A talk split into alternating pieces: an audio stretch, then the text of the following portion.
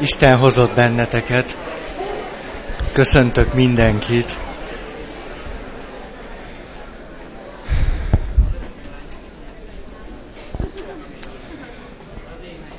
Néhány rövid mondatos összefoglaló arról, hogy hol tartunk, és miért beszélünk arról, amiről beszélünk. Böszörményi Nagy Iván gondolatait követjük, aki egy olyan szempontot hozott be az emberi kapcsolatok gyógyítása, kiegyensúlyozása területére, amely a lelki gondozásból addig szinte teljesen hiányzott, ez pedig az etikai dimenzió. És azért fontos számunkra az etikai dimenziónak a fölvázolása, mert egy fontos összefüggést mutat a hitnek és a bizalomnak a világával. Azért beszélünk arról, és egy egész múltkori alkalmat ennek szántuk, hogy megnézzük a kapcsolatainkat abból a szempontból, hogy abban milyen hihetetlenül fontos szerepet játszik a bizalom, amit pici gyerekkortól kezdve akarva és akaratlanul, tudva és nem tudatosan beleteszünk az emberi viszonyainkba. És hogy a létezésünk és a bizalmunk által, amelyet beleteszünk az emberi kapcsolatainkba, jogosultságot nyerünk arra, hogy a bizalmunkra válaszoljanak megbízható cselekedetekkel. És jogosultságunk van arra is, hogy pusztán a létezésünk által a kiszolgáltatottságunk révén bennünket elismerjenek, elfogadjanak és gondoskodjanak rólunk, amennyiben még pici gyermekek vagyunk. Erre később is van jogosultságunk, de akkor ez már sokkal inkább a kölcsönösség alapján megy. Szerbus Csilla. Szép a kokárda. Tehát valahogy idáig jutottunk, és aztán majdnem egy órán keresztül pofáztam valamiről. Ez pedig a romboló jogosultság. Mert hiszen miközben a létezésünkkel és a bizalmunkkal valami nagyon sokat adunk bele ebbe a világba, a minket legjobban szerető emberek, és pláne a világ, a bizalmunkra és a létezésünkre nem válaszol mindig megbízható magatartással. Így aztán igazságtalanság történik, amely önmagában is jogosultságokat ad számunkra. Emlékeztek erre, nem csak azáltal szerezhetünk jogosultságokat, hogy segítünk másoknak, hogy elismerjük mások jogosultságait, hogy gondoskodunk másokról, hogy más emberek szükségleteire válaszolunk, így is lehet szerezni, hanem azáltal is, hogy velünk igazságtalanságokat követnek el, vagy hogy valamit, amit meg kellene kapnunk, pusztán a létezésünk és a bizalmunk által nem kapunk meg. És hogyha mi ezeket a jogosultságainkat, amelyeket ezen a három nagy területen tudunk szerezni, a bosszúval, a szemet szemért, fogad fogért elv alapján próbáljuk érvényre juttatni, azért, hogy az igazságosság megőrződjön, akkor ez romboló jogosultságnak neveztetik. És a romboló jogosultsággal elindul egy ördögi kör, amikor állandóan egymásnak pofonokat adunk, és mindegyikünk azt gondolja, miközben a pofont adta, hogy most van egál és a másik azt gondolja, hogy dehogy is, most ő jön. És amikor ő adta a pofont, akkor azt gondolja, most van egál, meg azt gondoljuk, dehogy is. És az utolsó, utolsó szempont, csak úgy ismétlésképpen, ezért aztán nagyon fontos minimum három generációnak a figyelembevétele. Hogy képesek legyünk fölfogni, hogy ki miért és hogyan próbálja a jogosultságait elénk tárni, és az igazságosságot helyreállítani. Minimum három generáció kell, különben eltévedünk. És, ami a párkapcsolat szempontjából fontos, arra is rácsodálkozhattunk, hogy miközben vannak ezek a vertikális kapcsolataink, nagyszülő, szülő, meg mink, meg a gyerekeink, meg az unokáink, hogy az itt ért sérelmeink, jogosultságaink nem figyelembevétele, sőt, sőt, a súlyos bűnök velünk szemben, valamiképpen úgy jelentkeznek, hogy ezeket a horizontális kapcsolatokban próbáljuk kiegyenlíteni. Hiába az anyukánk nem szeretett minket, a feleségünket gyötörjük. Hiába az apukánk vert el bennünket hetente háromszor, a férjünkön verjük vissza, mint a döbrögi. És ez tovább nehezíti a helyzetünket. Idáig jutottunk, és aztán emlékszem, a végső néhány mondat az az volt, hogy Isten kapcsolat és megbocsátás, de ezt csak úgy odabögtem. Most nem itt szeretném folytatni, de majd erre is mindenképpen kitérek. Mert ott tartunk, hogy itt mindenképpen belép az etikai dimenzió, amely nélkül nem tudjuk helyreállítani a bizalmi kapcsolatainkat. Úgy tűnik tehát, hogy a hitnek előfeltétele valamiképpen az erkölcsös viselkedés. Nagyon primitíven kifejezve. Az erkölcsös viselkedés alatt azt értem, hogy törekszem az igazságosság megteremtésére. Nagyjából csak ennyit. Vagyis elismerem a jogosultságaidat, a destruktív jogosultságaidnak is azt az oldalát, amely a jogosultság része, de természetesen elutasítom a pusztító részét. Vagyis azt mondhatjuk, hogy az igazságosság a kapcsolatok megbízhatóságának az alapja. Nem is akármilyen igazságosság, hanem a méltányos igazságosság. Annyiban tud megerősödni bennünk a hit és a bizalom, amennyire képesek vagyunk az igazságosság rendjét megvalósítani vagy helyreállítani. Ezért mondhatja Böszörményi Nagy Iván azt, hogy az összes emberi dimenzió, az érzések, az érzelmek, a kapcsolatok, a világgal való viszony szűkebb dimenzió, mint az etikai dimenzió. És ha a kapcsolatainkban nem figyelünk és nem szentelünk teret az igazságosság helyreállításának, akkor kifejezhetjük az összes érzéseinket, kifejezhetjük az érzelmeinket, kérhetjük, hogy szeressenek bennünket, járhatunk terápiára 25 évig, vallásosak is lehetünk, Istenhez is imádkozhatunk, nem lesz elég. Valamiképpen tehát az igazságosság egy kulcsfogalom. De hogyan jön létre az igazságosság? Csak akkor tudok igazságos lenni a létével és a bizalmával engem megszólító ember felé, ha elköteleződöm, és felelősséget vállalok. Ez itt megint csak két böszörményi Nagy Iván féle kulcsfogalom. Hogyan tudnék megbízhatóan élni és létezni a kapcsolataimban, ha nem köteleződök el, és nem vállalok felelősséget magamért. Minden kapcsolatomban. Ezért tehát az a világ, amely megkérdőjelezi az elköteleződést, a felelősségvállalást és az igazságosságnak a döntő voltát, fölszámolja a bizalmat és a hitet. Törvényszerűen.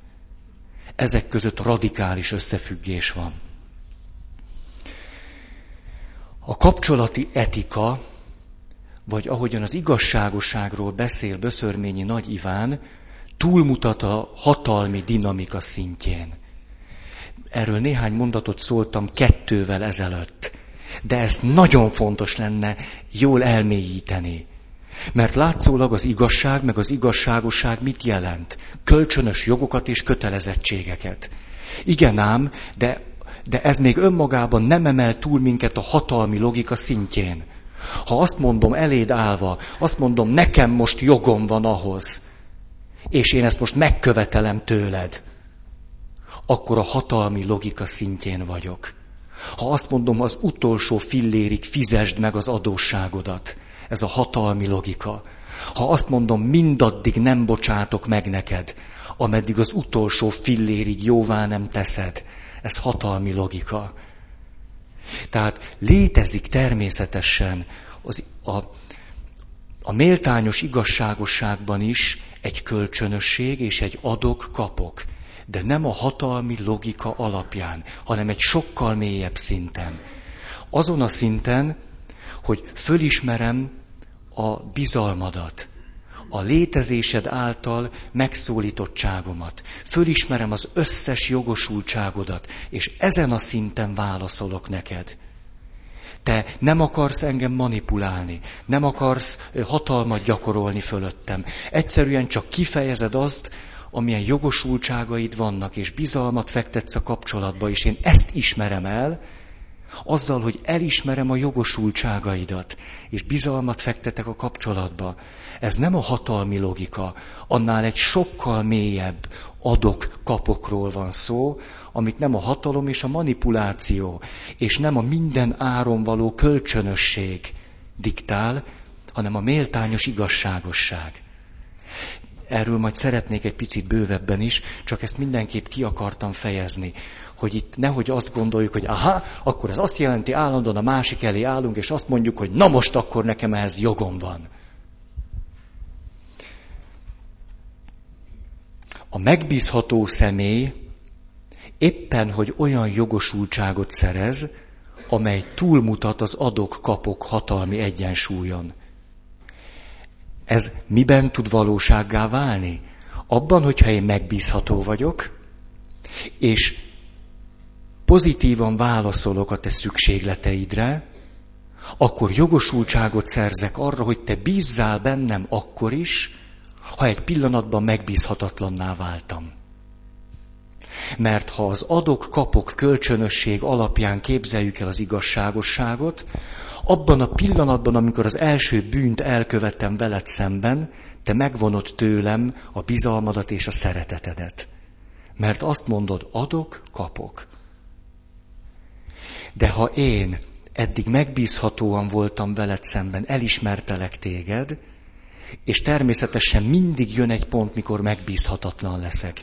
Lehetetlen elkerülni. Mindig jön egy pont, amikor bűnt követek el ellened. Verena Kast ezt úgy fejezi ki egy helyen, ír erről, vannak pillanatok, mikor csak annyit tudunk tenni, hogy azt döntjük el, kivel szemben követjük el a bűnt. Elég durva mondat. Éppen ezért igen reális. Az, hogy kivel szemben követjük el a bűnt, ebbe értsük bele saját magunkat is. Vannak pillanatok, mikor nem állnak rendelkezésre. Na hát, nézzétek, milyen kedves. A ne féljetek tőle, nem bánt. Szóval, hol tartottam? Igen, igen, nagyon köszönöm. Hogy tehát vannak olyan pillanatok, mikor nincs elég erőm ahhoz, hogy ne kövessek el valaki ellen bűnt. Vagy magamat büntetem, vagy téged. És nincs erőm egy harmadik, egy jó megoldást választani. Egyszerűen ilyen helyzetek mindig lesznek. Ebben az esetben azt ismerhetem föl, hogy rászorulok a megváltásra. Mindenképpen bűnt követek el. És vagy tőled, vagy magamtól kell bocsánatot kérnem. Tehát ez azt fogja jelenteni, hogy mindenképpen rászorulok arra a létezésem okán, hogy te bizalmat előlegezzél meg nekem. Lehetetlen mindig megszolgálni a bizalmat. Ez lehetetlen. Ha az igazságosság mindig kölcsönösséget jelent, akkor vége az életnek. És éppen az tarthat engem életben, amikor bűnt követek el ellened, és be kell ismernem, hogy megbántottalak, és bocsánatot kell kérnem, hogy ne kezdjem el pusztítani magam, ahogy a legtöbb ember csinálja. Mert vagy hazudozunk, nem vagyok bűnös, vagy mikor nagy nehezen belátjuk, hogy gazemberek voltunk egy ponton, akkor meg elkezdjük magunkat pusztítani. Akkor ide a nagy kést is, és elvágjuk a saját torkunkat képletesen és elkezdjük magunkat hihetetlen módon büntetni. Mi az, ami nekem az erőt adhatja ahhoz, hogy ne tegyem se ezt, se azt, se ne hazudjak, se ne büntessem magam a jogosultságaim. Hogy visszaemlékszem, és azt mondom, de hát én mennyi mindent tettem meg. Jogom van ahhoz, hogy bocsánatot nyerjek. És ezzel a jogosultsággal még Isten elé is állhatok. Minél inkább figyelek az életemben az igazságosságra, annál bátrabban állhatok Isten elé, bűnösként, és mondhatom azt, Uram, most bocsáss meg nekem. Persze ugyanígy állhatok eléd is. Minél inkább törekedtem az, igaz, az igazságosságra, annál több jogosultságom van, hogy odaálljak eléd, és azt mondjam, kérlek, bocsáss meg.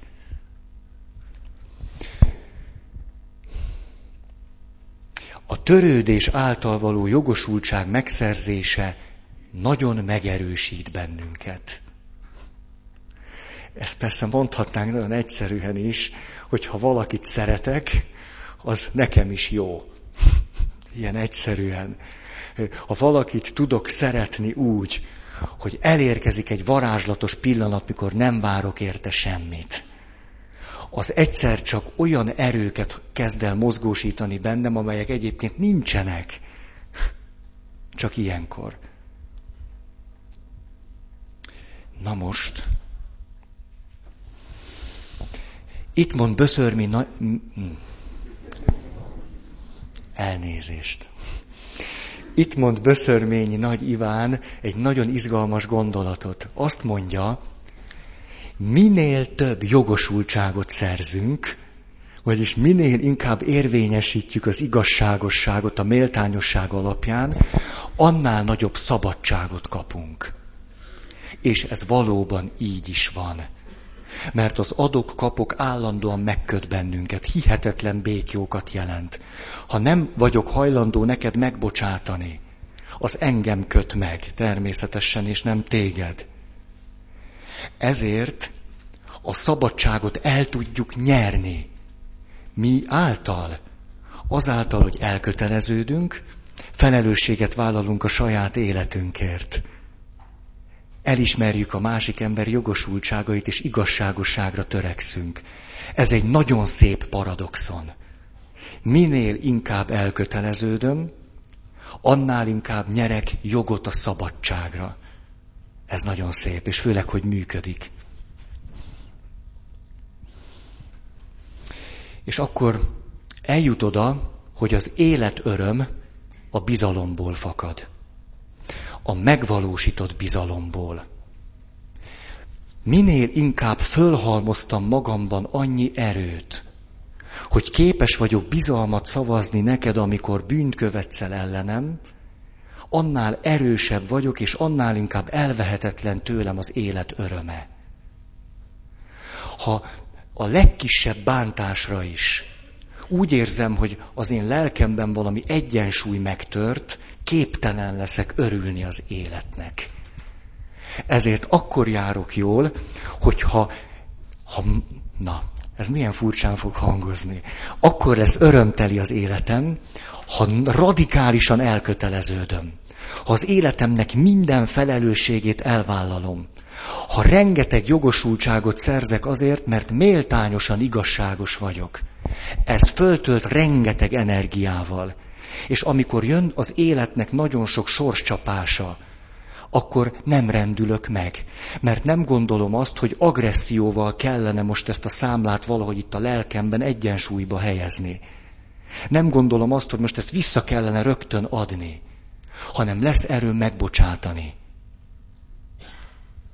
Aki nem köteleződik el, nincsenek igazságosságban meglévő bizalmi tartalékai, az a legkisebb bántásra is kénytelen, romboló magatartással válaszolni, hogy az egyensúlyt megteremtse. Bizonyára volt már olyan tapasztalatotok, mondjuk valakit nagyon szerettetek, vagy szerelmesek voltatok. Hát csak volt ilyen. És akkor bizony ért benneteket ilyen, olyan, meg amolyan bántás, és nem éreztétek a vágyat, hogy visszaadjátok. Valahogy ment az élet azután is, mert tele voltatok tartalékkal.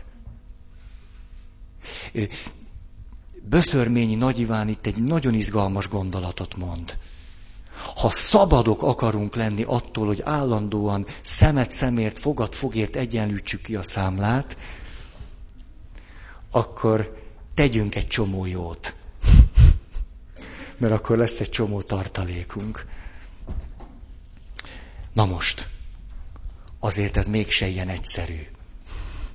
Most jön a fekete leves. Két dolog szélsőségnek bizonyul. Az egyik az önzés. Természetesen erről sokat beszéltem, de a párja is az egyoldalú adakozás. Az egyoldalú adakozás önpusztító hatású. Azért, mert nem valósítja meg a méltányos igazságosságot. Ha nem fogadok el, mit jelent az egyoldalú adakozás? Hogy elutasítom a szeretetedet. Nekem te nem adhatsz, én adok neked. Mindig olyan pozícióba hozom magam, hogy én adok, és nem fogadok el tőled. Mert én vagyok az erős. Ez egy hatalmi játszma, semmi köze az önátadó szeretethez. Ha valaki nem tud segítséget kérni, elfogadni, szeretetet befogadni, lubickolni abban, hogy őt szeretik, és ő most éppen csak van, Emlékeztek arra, hogy a pszichoszomatikus család kommunikációjának jellemzői? Másfél éve mondtam, hát nem emlékeztek? Hát minek jártok ide? Pszichoszomatikus család kommunikációjának egyik fő jellemzője, nem képesek a családtagok középpontba lenni. Nem képesek elviselni azt, hogy valaki most középre áll, és mindenki őt szereti, mert mondjuk születésnapja van. És mindenki őt szereti egész nap. Nem bírja ezt elviselni, mert a léte bizonytalanná válik. Akkor tud csak erős lenni, ha mindig ő ad. És közben mi történik a mélyben? A felszínen ő egy csodálatos ember valójában visszautasítja a szeretetet és a bizalmat, ráadásul egy csomó neheztelést gyűjt, és ebből él. Ez pont az ellentéte a, az építő jogosultságnak. Az építő jogosultság abból fakad, hogy elfogadom ezt a szeretetet, és viszonzom, és egyre jobban vagyok. Ilyenkor az történik, hogy vezetek egy számlát és azt mondom, ötöt adtam, és csak egyet kaptam. És nagyon törekszem arra, hogy én ilyen romboló módon pozitívban legyek. Azért, mert ez hatalmat jelent veled szemben. Ez a hatalom gyakorlásnak egy nagyon sajátos, rejtett formája.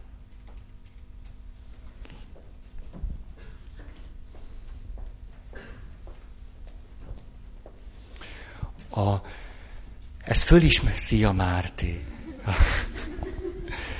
Ez fölismerhető abból, hogyha már valaha életedben kifakadtál, és mondtad azt egy pillanatban, mielőtt mondjuk három-négy évig egy ilyen áldozatos szeretettel szerettél valakit, hogy na most már elég. Ez nagyon jó bizonyíték az ilyen működésmódra mi a csodát nyeltél le éveken keresztül. Ugye egy, egy megfelelő kapcsolatban többé-kevésbé napra kész vagyok. Napra késznek lenni azt jelenti, hogy egy ilyen listán nincsen semmi. Tehát nem kívánok bevasalni rajtad semmit. Nincs a listámon öt olyan dolog, amiért te még nem fizettél.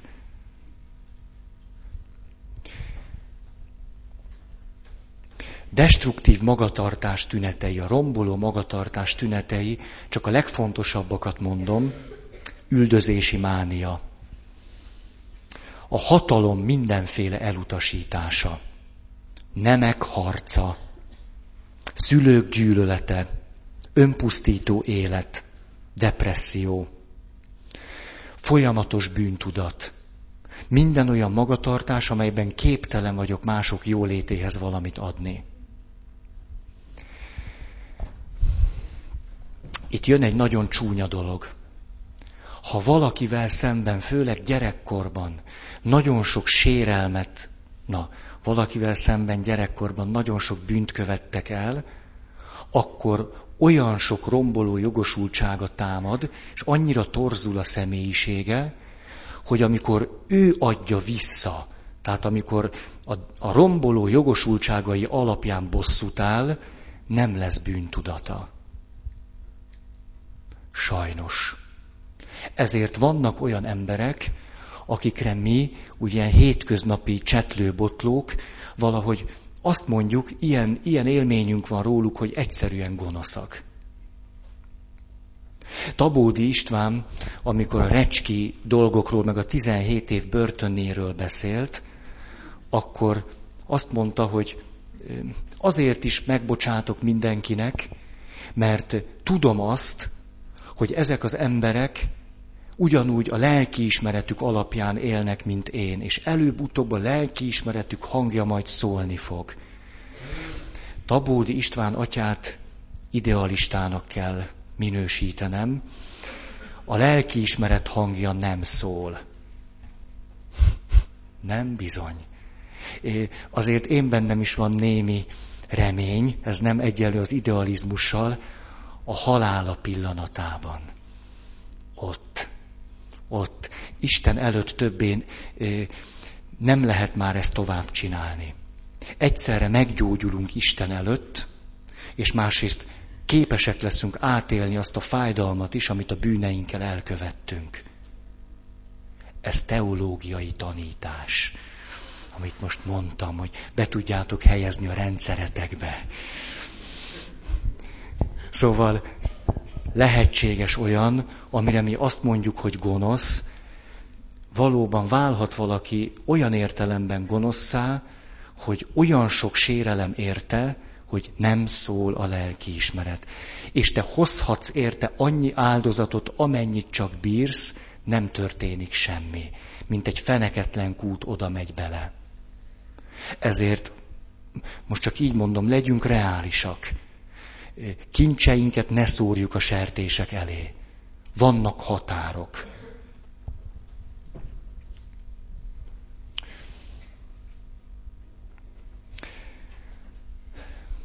Igen, az, az, a, az a kifejezés jutott eszembe, hogy válhatunk erkölcsre rezisztens fajjá. Teljesen ellenállók leszünk az erkölcsel kapcsolatban. Na most, ugye beszéltem arról, hogy rengeteg jogosultságot szerezhetünk azáltal, hogy gondoskodunk másokon, azáltal, hogy elismerjük a jogosultságaikat, azáltal, hogy megbocsátunk. Na ez egy izgalmas dolog. Lehetséges az, hogy valakivel szemben rengeteg bűnt követtek el, neki rengeteg romboló jogosultsága van, és a romboló jogosultságait át tudja alakítani építő jogosultsággá, ha megbocsát. Szeretnék egy történetet elmondani, sőt kettőt. Az egyik egy kedves hajléktalan ismerősömről szól, aki gyerekkorától kezdve rengeteg bántást és bántalmazást szenvedett el, jelenleg alkoholbeteg, utcán él, a, az emberi kapcsolatok minimumára képes csak többé-kevésbé, és néhány hónappal ezelőtt életének a terheit meggyónta. Ezért ő ott van minden nap a templomban, hiszen ráér. Ott tud lenni minden szent misén. És ma a következő dolog történt. Mikor mondtam a misek közepe felé, a mi atyánk után, hogy bocsássatok meg szívből egymásnak, akkor ő legalább 6-7 emberhez odament. És amikor vége lett a misének, akkor lejött a sekrestjébe, és a következőt mondta. Azt mondja, hogy mert én a megbocsátásról beszéltem a, a, a misén. És azt mondja, hogy te Feri atya, te most nekem beszéltél. És nézek rá, hogy hogy, hogy. És azt mondja, azért, mert nekem egyetlen vagyontárgyam van, a hátizsákom, amiben a tőletek kapott cuccaimat tartom. Ezt a hátizsákot tegnap éjszaka ellopták tőlem. Tehát most üres kézzel meg szabad háttal jöttem, és amikor te a megbocsátásról beszéltél, én egyszer csak rájöttem arra, hogy ez rám is érvényes. És én azért mentem oda nagyon sok emberhez, mert megértettem azt, hogy ezeknek az embereknek is szüksége van a megbocsátásomra. Hogy én megbocsássak nekik. És kihúzta magát, és elment. Ez az, amikor valaki, akinek nem képletesen nincs semmije, valóságosan semmije sincs. Úgy, ahogy mondom, annyi cucca van, ami rajta van. Képes pozitív jogosultságokat szerezni, és van a Szent Mise, amely arra a logikára épül föl, hogy ott ezt bárki átélheti és megteheti. És ő hétszeresen átélte. Tudjátok, ez már rég az Isten bárányát kellett volna mondanom. Mert ugye azok, akik az igazak és a jók, azok szimbolikusan egy emberrel kezet fognak. Az én barátom nem így tett, körbejárta a templomot. Ezt a romboló jogosultságát el kellett ismerni. Ezzel ő súlyosan megakasztotta a liturgia menetét. Már mindenki térdel, csak ő bolyongott a templomban. Több jámbor asszony csúnya szemmel tekintett rá. Nem elég, hogy hajléktalan, még itt mászkál, mászkáljon kint. Közben pedig valami nagyon nagy csoda történt. Hétszeresen átélte azt, hogy az ő megbocsátására itt szükség van. Hétszer. És utána ment. És nem azt mondta, és most jön a második történet. Ez egy Auschwitz-i történet, szabadult egy fiatal lány, akinek az egész családja ott meghalt. És amikor felszálltak a vonatra, kaptak egy csupor kávét, meg egy kevéske élelmet, és mentek a vonattal, és ugyanabba a fülkébe, ahol ő egy raptársával utazott, utazott még két nő, meg egy férfi. És minden rab üres kézzel utazott, kivéve ez a három. Ennek a háromnak eh, három bőrönd volt a kezében, már hogy egy-egy. És kérdezgették őket, kettejüket, rabokat, hogy mi és hogy történt velük. És aztán eh, éjszaka azt vette észre ez a fiatal lány, hogy a bőröndből az ablakon át dobálják ki a, a, a SS egyenruhát, meg fényképeket, meg ilyesmit. És másnap reggel szállnak föl a vonatra, és kérdeznek, ott mindenkit ellenőriztek, hogy ki kicsoda és honnan jön. És ez a fiatal lány pontosan tudta, hogy az a három kicsoda. És nem adta őket föl.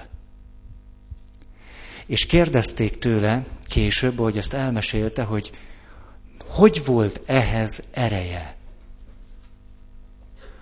hogy a saját mindegy ellenségeit, nem tudom, hogy mondjam, Ho, hogy, hogy. És a következőt mondta, eszembe jutott az, hogy mi amikor mentünk éveken keresztül dolgozni, akkor mindig egy pékség mellett mentünk el. És hogy hihetetlen éhesek voltunk, csont és bőr voltunk, és éreztük a friss kenyérnek az illatát akkor mindig ezt gondoltuk, és mindig utána egymással arról beszéltünk, hogy ha egyszer innen kiszabadulunk, bemegyünk ebbe a pékségbe, és annyit eszünk, amennyi csak jól esik. És akkor én, ott éjszaka, amikor erről gondolkoztam, hogy mit kéne tenni, akkor rájöttem arra, hogy sosem beszéltünk arról, ha mi egyszer kiszabadulunk, bemegyünk a pékségbe, és megöljük a péket.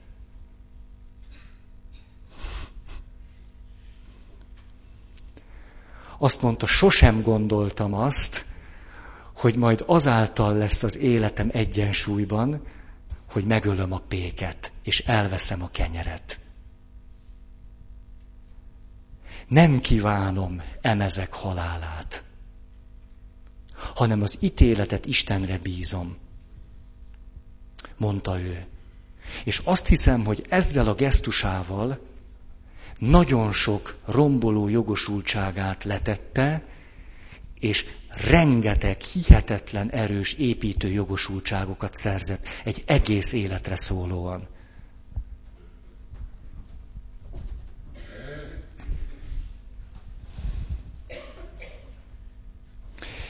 Aztán van még itt egy nagyon izgalmas dolog.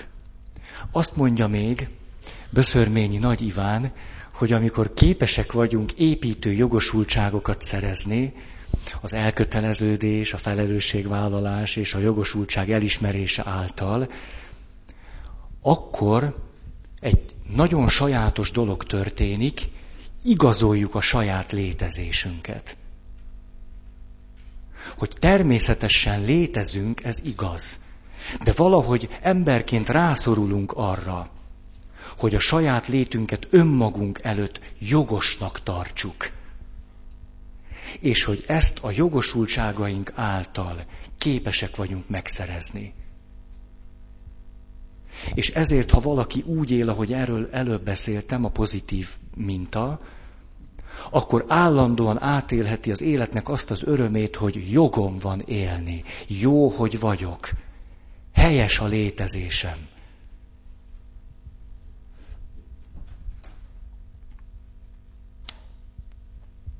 Na most, nagyjából ezt itt most befejeztem.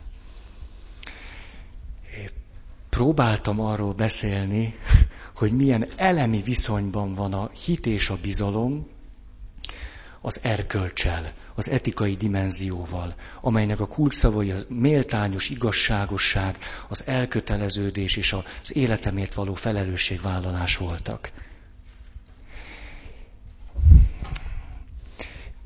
Azt kérdeztétek múltkor tőlem, hogy akkor mit kell csinálni. Szeretnék erről néhány szót szólni, és aztán elmesélek nektek egy mesét. Mert ez a mese pont arról szól, amit lehet ilyenkor csinálnunk, de egy-két kulcs dolgot hadd mondjak el. A, a megbocsátásról már volt szó. Nem tudjátok mit? mondom a mesét. Legyen a mese.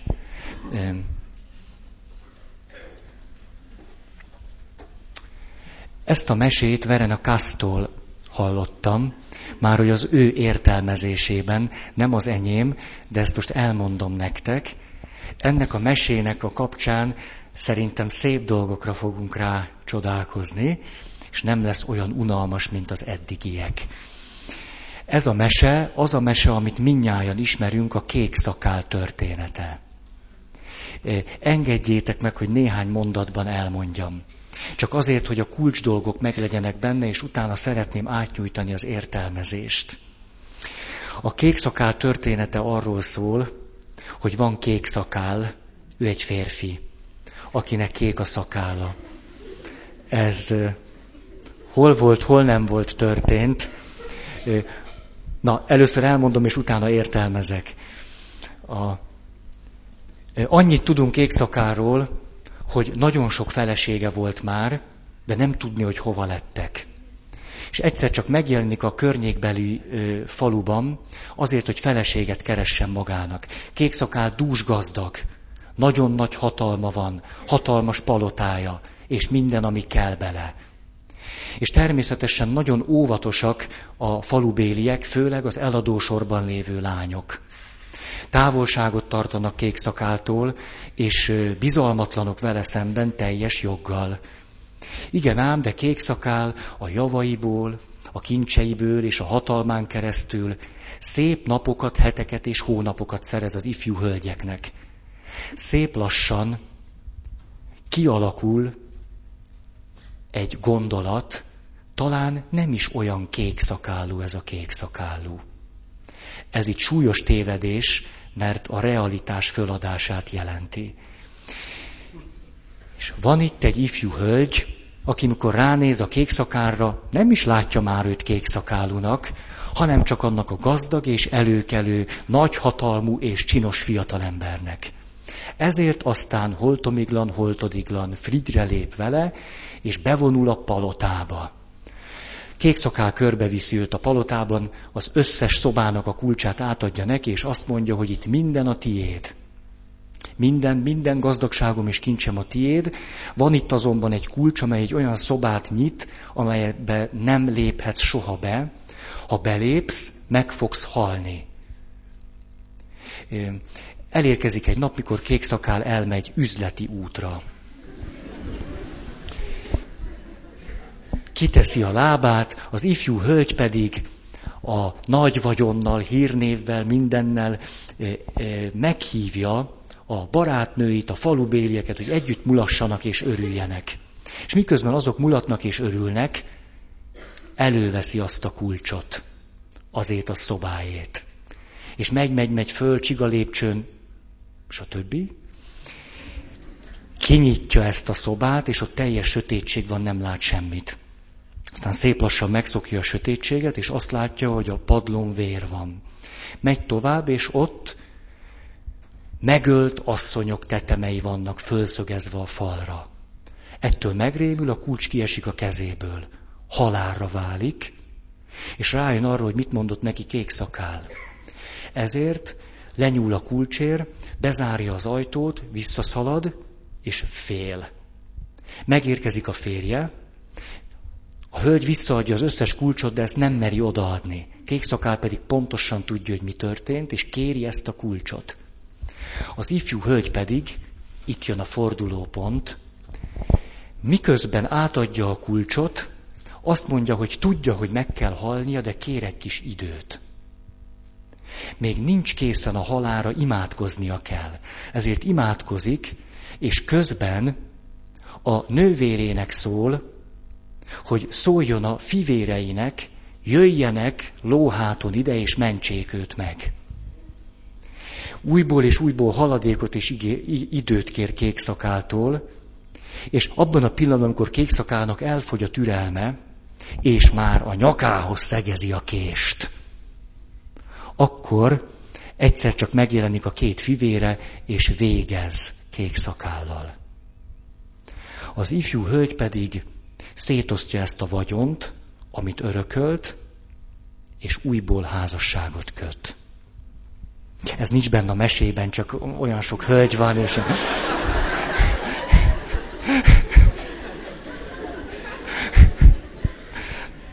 Ezt a pozitív jövőkép miatt.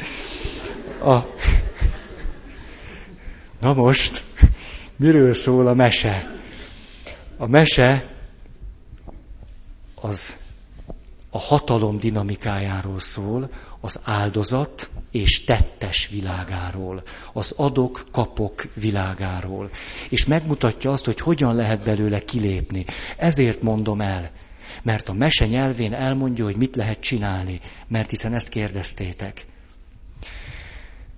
Az első fázisban mi is történik?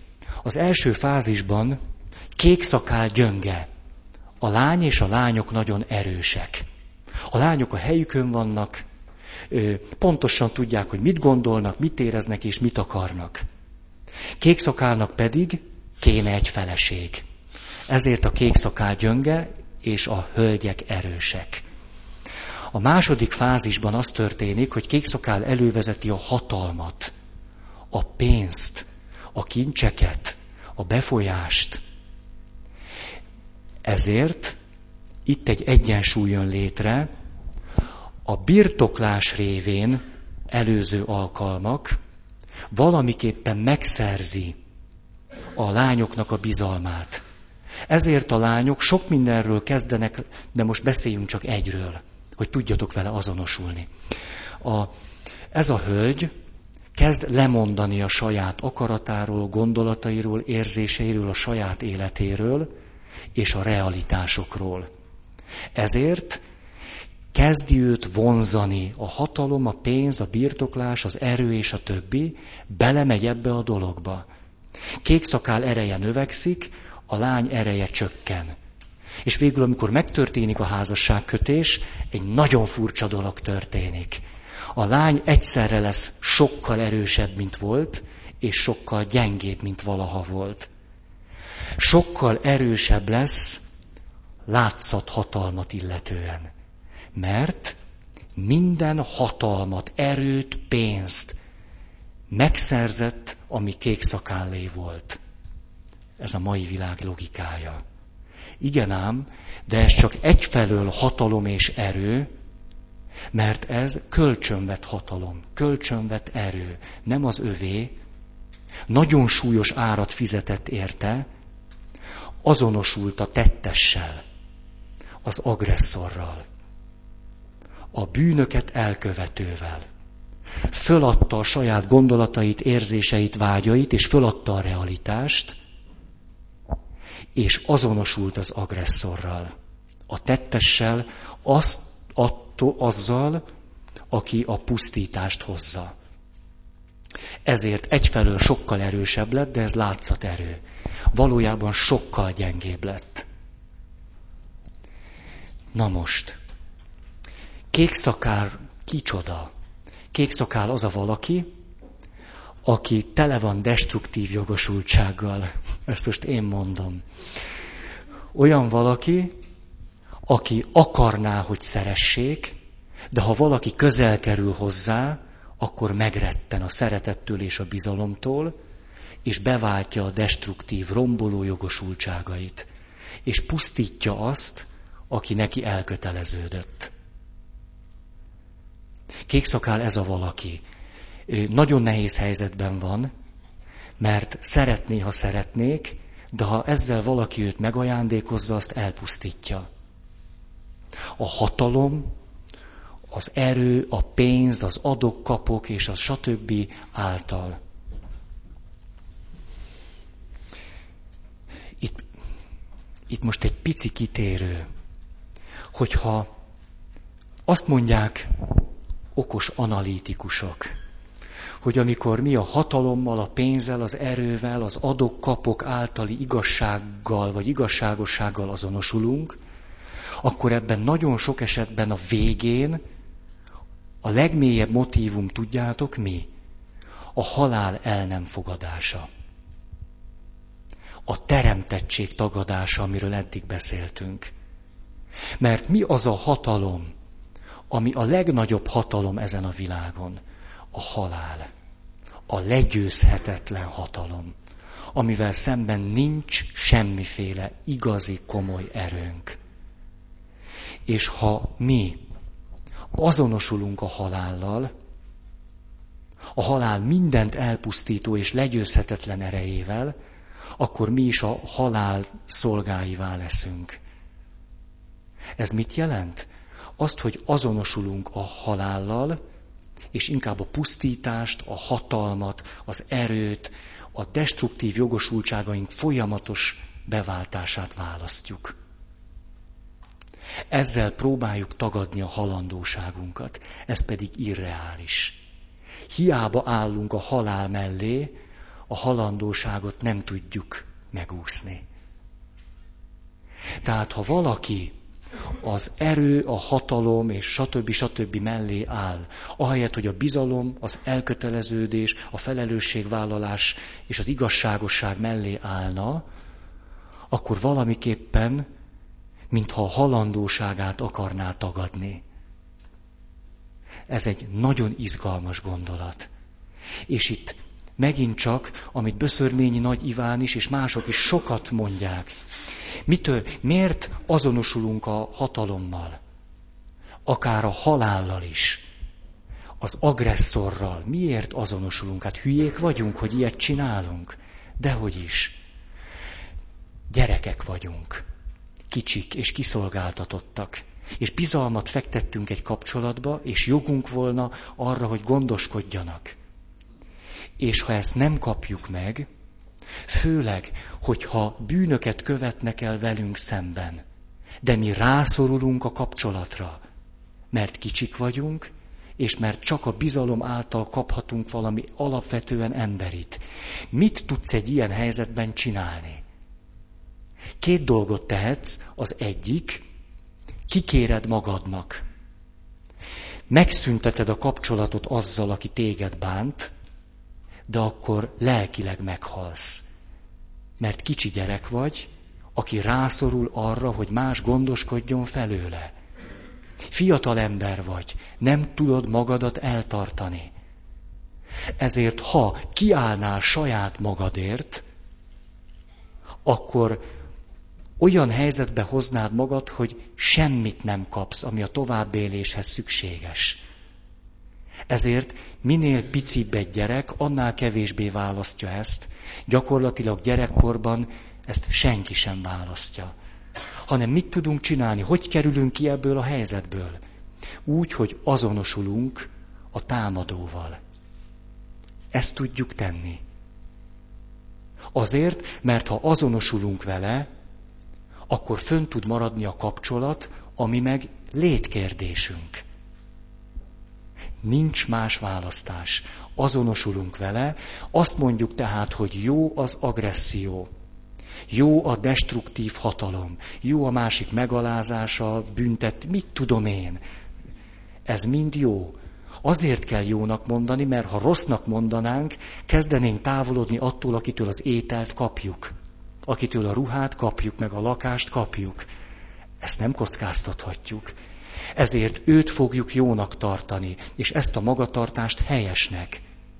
Akkor pedig mi leszünk a rosszak, és mi leszünk a bűnösök. Miközben nem így van, de ezt éljük át. Amikor arról beszéltem, hogy több-kevesebb ilyen romboló jogosultság minnyájunkban van, akkor ez a fajta logika többé-kevésbé minnyájunk életében jelen lehet. Azonosultunk kék szakállal. Valamilyen formában házasságot kötöttünk vele. Miért? Mert kell a hatalom. Kell az a hatalom és erő, amit aztán felnőttként a bizalom helyébe teszünk. Ha nem tudunk bizalmi kapcsolatokra, hát akkor uralkodunk, manipulálunk, stb. Ugye erről rengeteget beszéltünk. Fogyasztunk és termelünk és fogyasztunk, birtoklunk. De ennek a mélyén egy nagyon-nagyon sajátos működés áll. A mesének mi volt a kulcs pillanata? Az, amikor az ifjú hölgy azt mondta, nem akarok áldozat lenni, de nem is akarok azonosulni az agresszorral. Egyiket sem akarom. Egy harmadik utat szeretnék választani. És a mese ezt a következő módon hozza elénk. Meg kell keresni az erőforrásokat. Azokat, azokat a belső tartalékokat, amelyek még rendelkezésre állnak. Emberi kapcsolatokat, bizalmi viszonyokat, saját tehetségünket, képzettségünket, bármit, ami valamiképpen kívül van ezen a logikán. Mindegy, hogy ez mi, csak legyen kívül ezen a logikán. Megtaláljuk ezt a területet, és segítséget kérünk tőle, vagy segítséghez folyamodunk. És itt van egy másik nagyon fontos momentum is, az imádság. Az ég mindig nyitva van, arra felé mindig lehet menni. Ez egy nagyon fontos szempont. A mese ezt is hozza.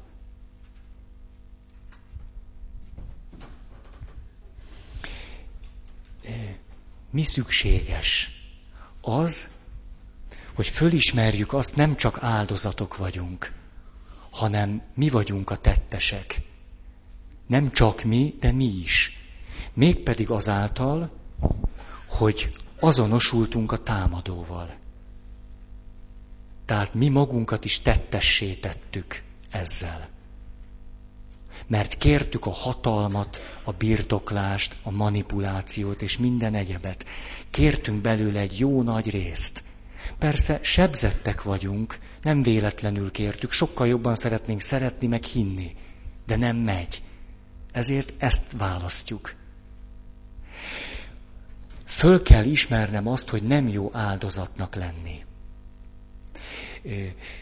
Ez egy hatalmas csapda. Bent maradni az áldozat szerepében. Ezt rengetegen csináljuk. hogy áldozatok vagyunk. Az áldozat ugyanis mi más tehetne, mint hogy azonosul az agresszorral, a támadóval. És ezzel lemond az életfelelősségről. Ugyanis, ha egyszer beismerném azt, hogy én nem vagyok áldozat, és nem is akarok támadó lenni, beváltani a destruktív jogosultságaim, ha egyszer mind a kettőre nemet mondanék, akkor megnyílna egy harmadik út, ami az én utam. De, és itt azt mondja Verena Kast, nagyon sokan egy élet történetet csinálnak, idealizálják a saját áldozat voltukat. Belemerítkeznek abba, hogy ők nem egyszerűen csak áldozatok, hanem a világ történelmi eseményeinek a kárvallottjai. Ők a 20. század gyermekei, akiken átmasírozott a világháború, 56, és egy csomó minden. És egyfajta hősiességé avatják a saját áldozat voltukat. Úgy tűnik, hogy a svájciak és a magyarok hasonlítanak egymáshoz. Azt mondja Verena Kast, hogy a svájciak népi játéka a panaszkodás. Ezzel töltik reggeltől estig az idejüket. Hát akkor nagyon hasonlítunk egymásra. Az állandó panaszkodás, sopánkodás és a többi éppen az áldozat szerepet mutatja, és közben mutatja a támadóval való azonosulást is. Mind a kettő tulajdonképpen azt jelenti, hogy a saját életemért nem vállalok felelősséget. Mindeddig, ameddig tetszik neked áldozatnak lenni, nem veszed föl a saját életet, hanem arra hivatkozol, hogy a csúnya bácsik ezt csinálták veled. A csúnya nénik azt csinálták veled. Az apám és az anyám, a nagymamám, a nagypapám és bár a tanárok. Az egyházi iskolában volt egy gonosz tanár, itt, itt, itt állt. Gonosz és csúnya és igazságtalan pap volt. Bizony.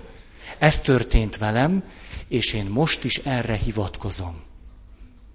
Vagyis jó nekem áldozatnak lenni, Uram, építsünk itt három sátrat. Nekem egyet, ráírjuk, hogy áldozat. És akkor egyet a tanár úrnak, hogy mindig előttem legyen, lám, lám, miért nem élek én egy olyan életet, amilyet jó lenne élni. Ez lesz a tanár úr sátra. A harmadik sátorra meg, meg kit, kit, kit pihentessünk ott. Hogy lehetne ezt az egészet olyan nagyon ízessé tenni? Mondjatok egy jó tippet. Hát, tessék? Jaj, a közönség, igen, igen, igen. Sopánkodók sátra, akik az egészet nézik, és mindig igazat adnak nekünk. Istenem, tényleg, milyen, milyen szörnyű a te sorsod. Na hát, na hát. Most, most mondod el 73-szor a történetet? Nem baj, nem baj. Ne, nekem mondhatod még 74-szer is, hiszen, hiszen hát ez egy, ez egy olyan szívbe markoló történet. Nem? Mondjad csak nyugodtan. Ö, halálos ágyadon is el ne felejtsd ezt a történetet. Akkor még utoljára az utolsó mondataid ezek legyenek. Mindenképp. Ugye az nagyon fontos. A, tehát az áldozat szerep hihetetlenül nem segít nekünk semmiben sem. Nagyon rossz szerep, utálatos szerep. Nagyon nehéz azonban nem választani, mert minnyáján voltunk az életünkben így vagy úgy áldozatok. Mit lehet csinálni? Az áldozat szerepre azt mondom, hogy nem. De a tettesnek is azt mondom, hogy nem. Emlékeztek a szenvedélybetegségre, hogy hogy működik? Amikor azt mondom az alkoholnak, hogy nem, hogy nem vagyok hajlandó a kiszolgáltatott helyzetemben pillanatnyi jó érzésekért inni. Ezért szeretem nagyon a katolikus liturgiát, mert minden kereszteléskor, minden húsvétkor odaállok az emberek elé, és mindenkitől megkérdezem, ellene mondotok-e a sátánnak, hogy a bűn uralma alá ne kerüljetek. És azt kell mondani, nem kell, de hát felőlem mondhatod azt, hogy hmm, hát néha olyan jó esik egy kicsit hatalmaskodni, kicsit gyűlölködni, bosszút állni, az olyan jó. Akkor egy picit ellene mondok, úgy, úgy teoretikusan. Szóval húsvétkor ezt fogom kérdezni idén is, ellene mondotok-e a sátánnak, hogy a bűn uralma alá ne kerüljetek. És akkor ki lehet mondani? Ez, ez szerintem egy fölemelő dolog. Ellene mondok. Így. Az összes haragodat, dühödet, fájdalmadat, agressziódat, bosszúvágyadat, mindent bele lehet tenni ebbe. Ellene mondasz-e a kísértőnek, hogy Isten gyermekeinek szabadságában élhess? Há, de ellene mondok, kélyes örömmel. És az összes dühödet kimondhatod benne. Ezt csinálja kék szakállal szemben ez a hölgy is.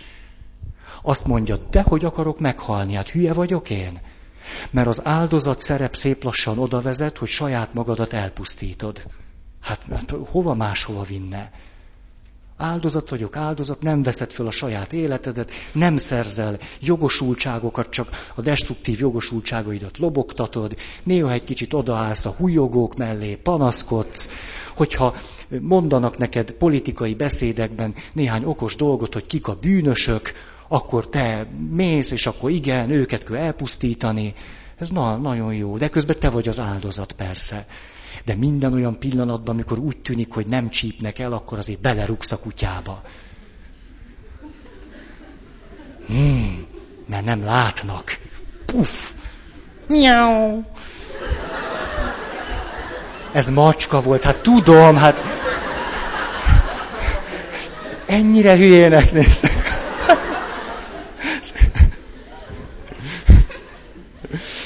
A, tehát ez az ifjú hölgy azt mondta, hogy már pedig halljon meg a fene. De ez nem volt elég. Le kellett mondania arról a pillanatnyi jó érzésről, ami az adok, kapok, hatalmi, akármiből, birtoklásból adódik.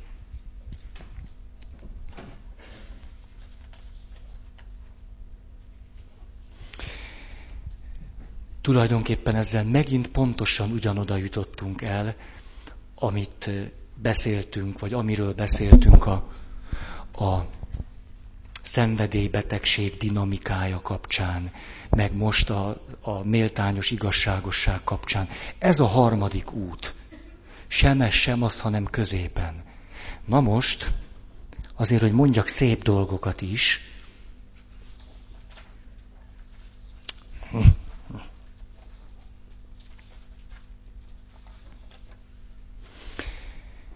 Ó, most. Igen, ezt fogom most mondani. Azt mondja Böszörményi Nagy Iván, Jaj, hát hogyha ti most csinálhatnátok egy paródiát rólam, az biztos nem tenném ki az ablakba. Szóval azt mondja, hogy amikor sikerült a felelősségvállalás, a méltányos igazságosság, meg a többi révén egy csomó pozitív jogosultsághoz jutni, akkor egyszer csak az életerőink megnövekednek. És nyolc pontban összefoglalja, hogy mi lesz ennek a hatása. Ezt a nyolc pontot röviden szeretném elmondani. Mindegyik egy olyan erőforrás közben, amelyik a harmadik úton van. Tehát arra a kérdés, hogy mit lehet csinálni, lehet igyekezni megbocsátani, lehet az Istennel kapcsolatot tartani, erről fogok majd következő alkalommal beszélni, hogy ez mit jelent ebben a rendszerben, de ezen a középső úton van egy csomó jó dolog. Az első pont. Ha képes vagyok lemondani a romboló jogosultság beváltogatásáról, nem leszek kék szakálnak a felesége, akkor képessé válok az élet személyes élvezetére. Képes leszek élvezni az életet. Ha, mondok egy történetet. Saját életemből. Kedves barátom, az egyik legjobb barátom 40 éves lett. És a barátainak ő készített meglepetést. Látjátok? Ilyen az, amikor valaki tele van plusz erőkkel. Tehát nem azt mondja, már egy éve lapozgat, hogy mikor lesz az ő szülinapja, amikor majd ajándékokat kap. És amikor eljön a szülinapja, akkor azt mondja, na Istenem, jó van, épp 0,1-en álltam, most kapok néhány ajándékot, ami egy né- pár napra kitart majd. Nem, tehát elérkezik a szülinapja, és azt mondja, hogy most a legjobb barátaimat megvendégelem. Ezért jó az ő barátjának lenni. És ezt én teljes melszélességgel kihasználtam, és nem mi szereztünk, hát azért szereztünk mi is meglepetés neki, de az nem számít. A, ami igazán jó, az az, hogy ő meghívott bennünket bowlingozni, mert két héttel azelőtt kibérelt egy pályát egész estére, nyolctól éjfélig. Na! És akkor a következő történt, most vasárnap este, hogy egy olyan jót bólingoztam, mint a franc. A, és tudjátok, mi volt az érdekes? Hogy akkor ment igazán jól, amikor pizzát ettem. Tehát amikor csak gurítani kellett, valahogy nem ment. Akkor rendeltem egy pizzát, és két kólát. Tehát nem egyesével, értitek? Kettőt rögtön. És egyszer csak, ahogy ettem, ittam, játszottam, kezdett valahogy az élet egész, egész elviselhető lenni. Ugye? Az ember egész vasárnapi áldozathozatal után, ugye? Szóval nagyon jó volt. Úgy elszaladt az idő, mint a fene, egyetlen baj történt csak. Nem nyertem, ez, ez az. De ezt is képes voltam földolgozni. Szóval az élet élvezetének a képessége. Vagyis a harmadik úton az van, hogy mielőtt az áldozat szerepből nyelnél ilyen nagyon furcsa erőket, meg a hatalmaskodásból, élvezd egy kicsit az életet. Nyugodtan engedd meg magadnak, nem bűn, szabad. Szabad elmenni, és akkor nem tudom, játszani. Nagyon jó dolog. Második.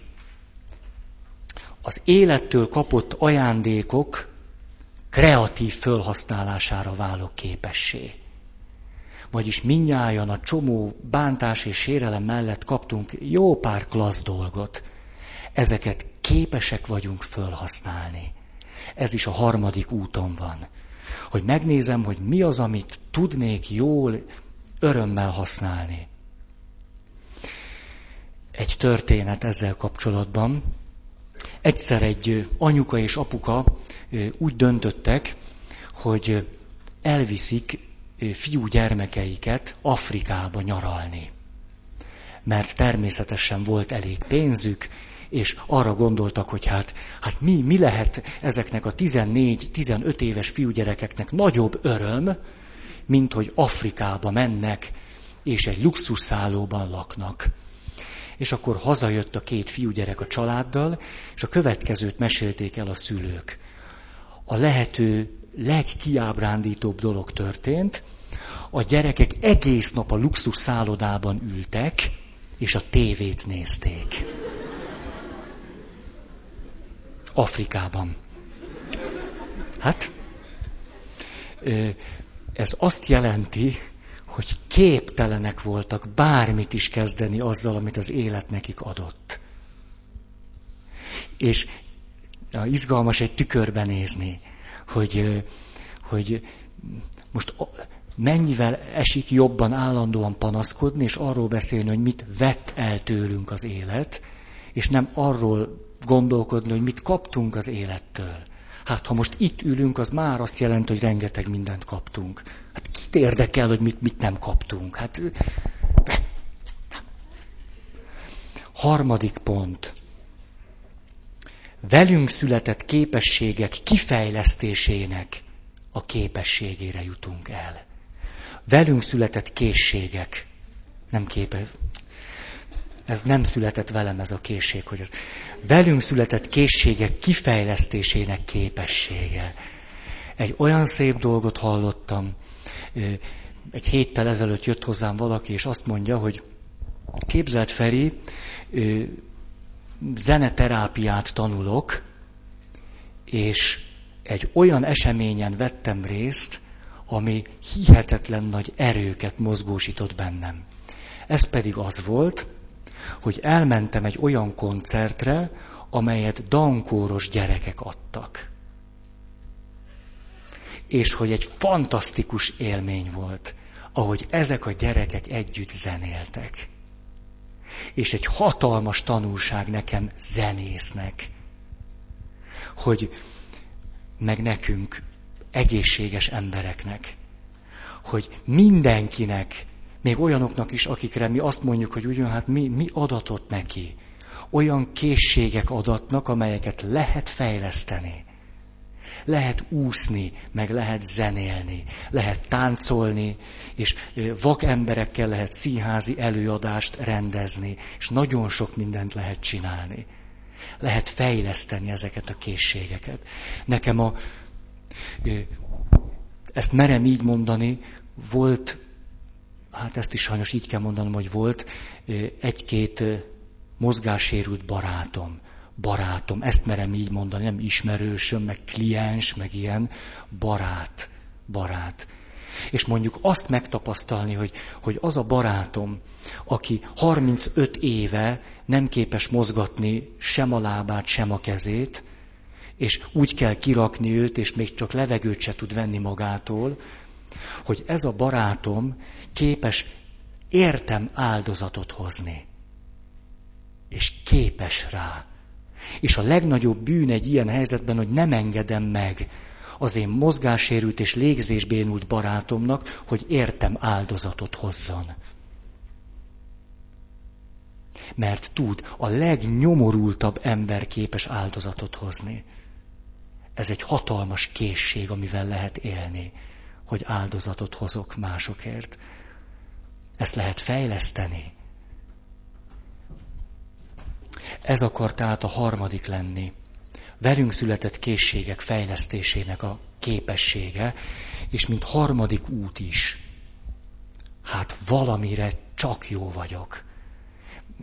Ejfeltornyot csinálok gyufa szálakból, vagy valami hasznos tevékenység, ami... Hát az nem hasznos. Hát átélem benne azt, hogy tudok valamit, az nagyon hasznos. Roppantul. Hát én például nem bírnám megcsinálni. Az se. Na, köszönöm szépen a figyelmeteket. Egy nagyon fontos hirdetni valóm van. Következő alkalommal én nem leszek.